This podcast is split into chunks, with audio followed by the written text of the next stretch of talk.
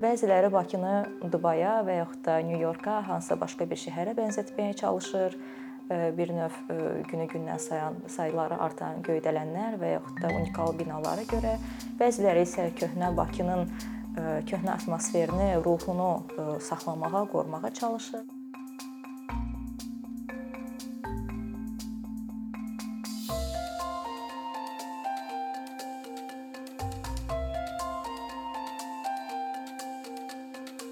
Qısaca olaraq Bakının urbanizasiyasının tarixindən danışmaq istəyərdim. Hansı inkişaf yolu keçmişdir? Bildiyiniz kimi Bakı qədim şəhərdir və Şirvan Abşeron memarlığının ən gözəl nümunələri elə Bakı şəhərində cəmləşmişdir. Lakin Bakı hər zaman paytaxt şəhər olmayıb. Orta əsrlərdə paytaxt şəhər olmamışdan qabaq daimi əhəmiyyətli olan bir liman şəhəri funksiyasını yerinə yetirmişdi və Bakının əhalisi də hər zaman elə çox olmamışdır. Bakının əsas inkişaf tarixi artıq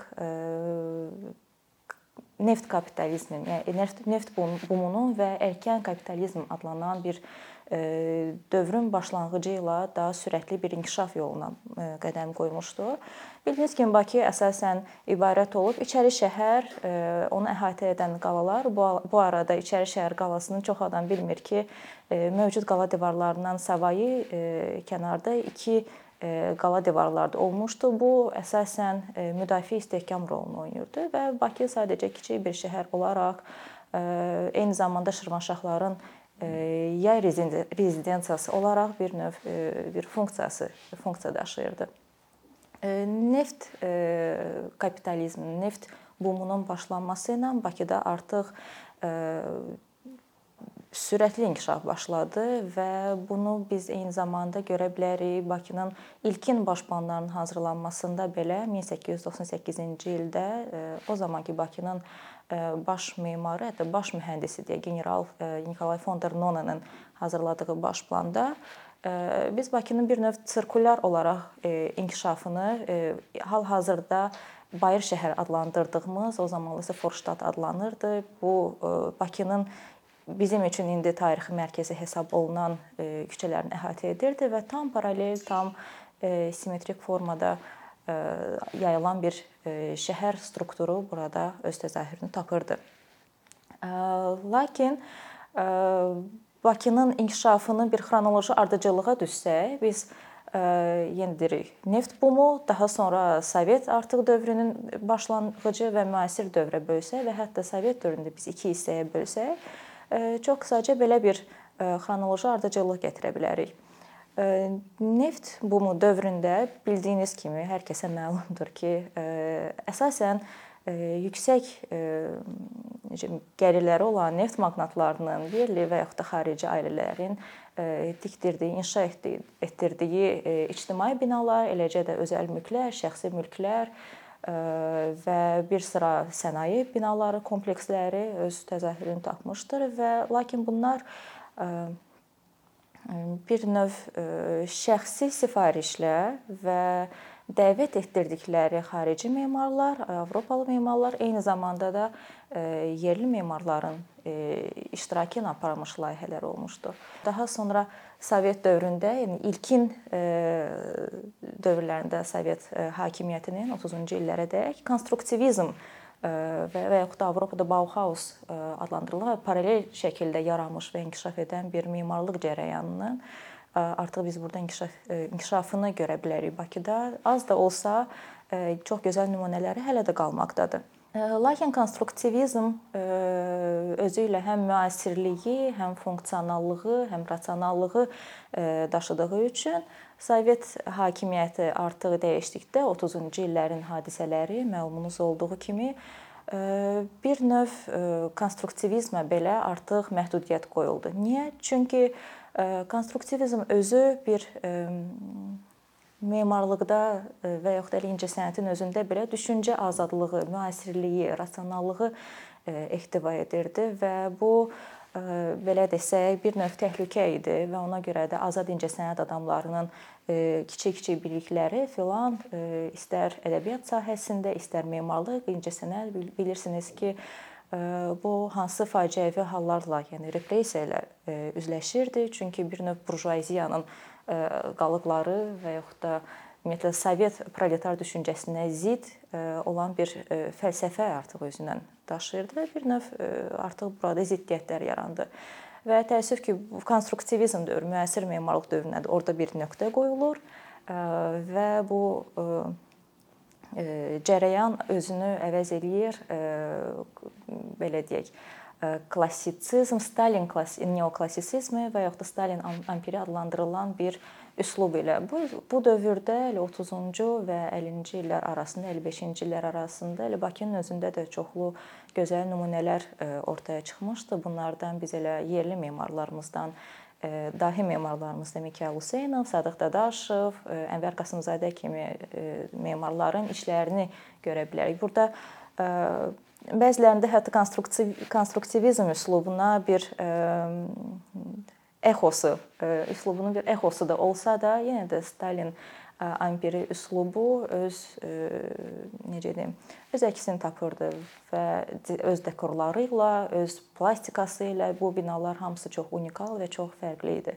1955-ci ildə isə memarların bəlkə çoxunun çox gözəl bildiyi bir qərar verilir.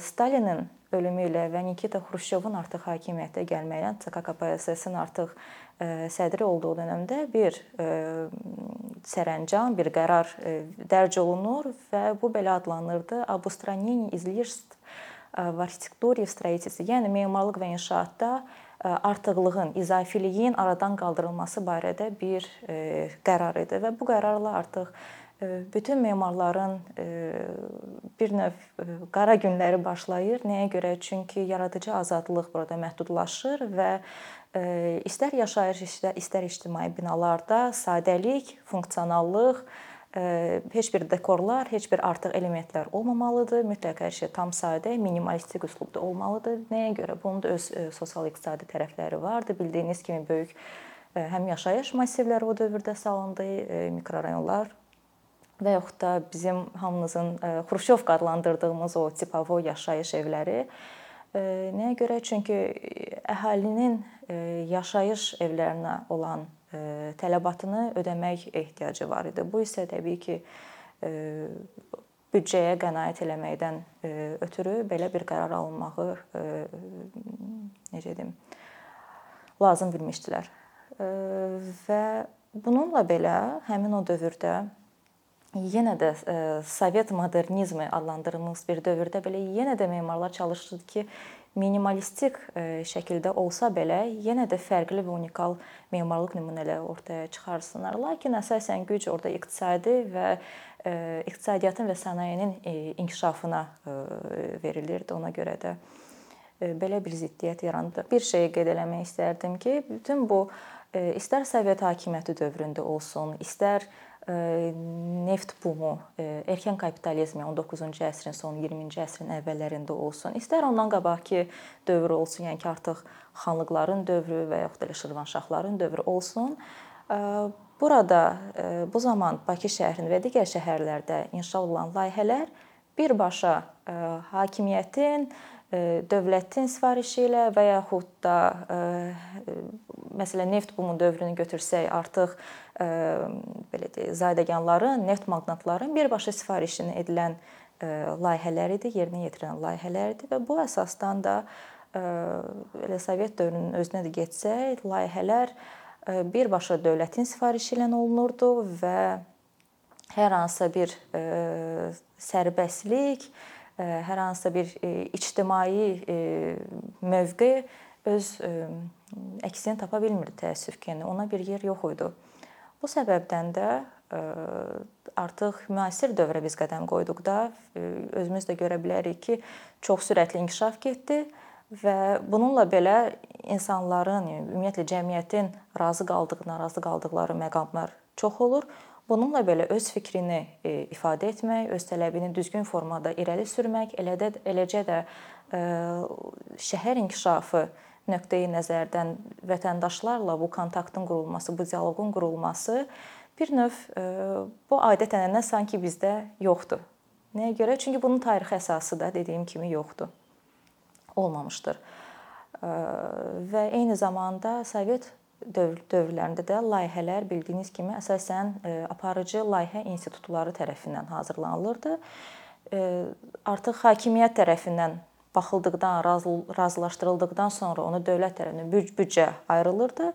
Ondan sonra artıq inşa olunurdu və çox böyük, yəni çox əhəmiyyətli, yəni belə deyək, Sovet İttifaqının, yəni o imperiya səviyyəsində əhəmiyyətli bir layihə olduqda isə artıq layihələri birbaşa Moskvanın özündə baxılırdı.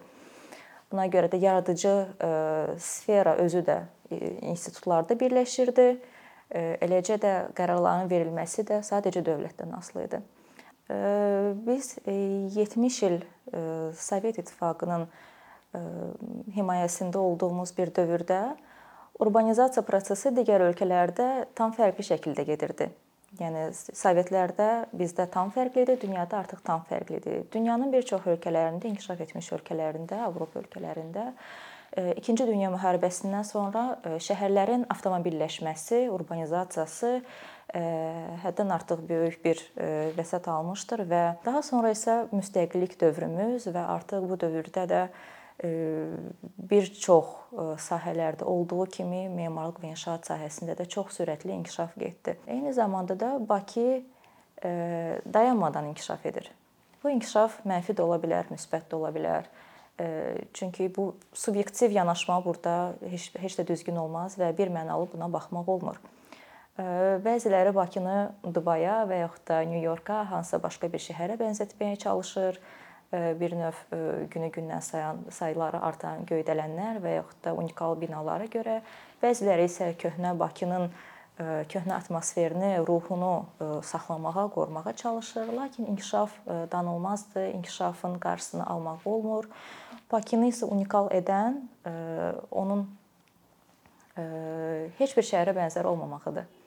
Bakını unikal edən bu qısa dövrdə çox müxtəlif e, metamorfozlardan keçməyi və e, verilən qərarlara çox qısa müddətdə adaptasiya ola bilməyi və e, bəzi şəhərlərin, bir çox şəhərlərin 500 ildə, bəlkə də 1000 il ərzində keçdiyi inkişaf, bir neçə əsrlər ərzində keçdiyi inkişafı Bakı bir əsr və yaxud da bir əsr yarımlıq bir müddətə keçməyə vadardır. Artıq 2023-cü ildir.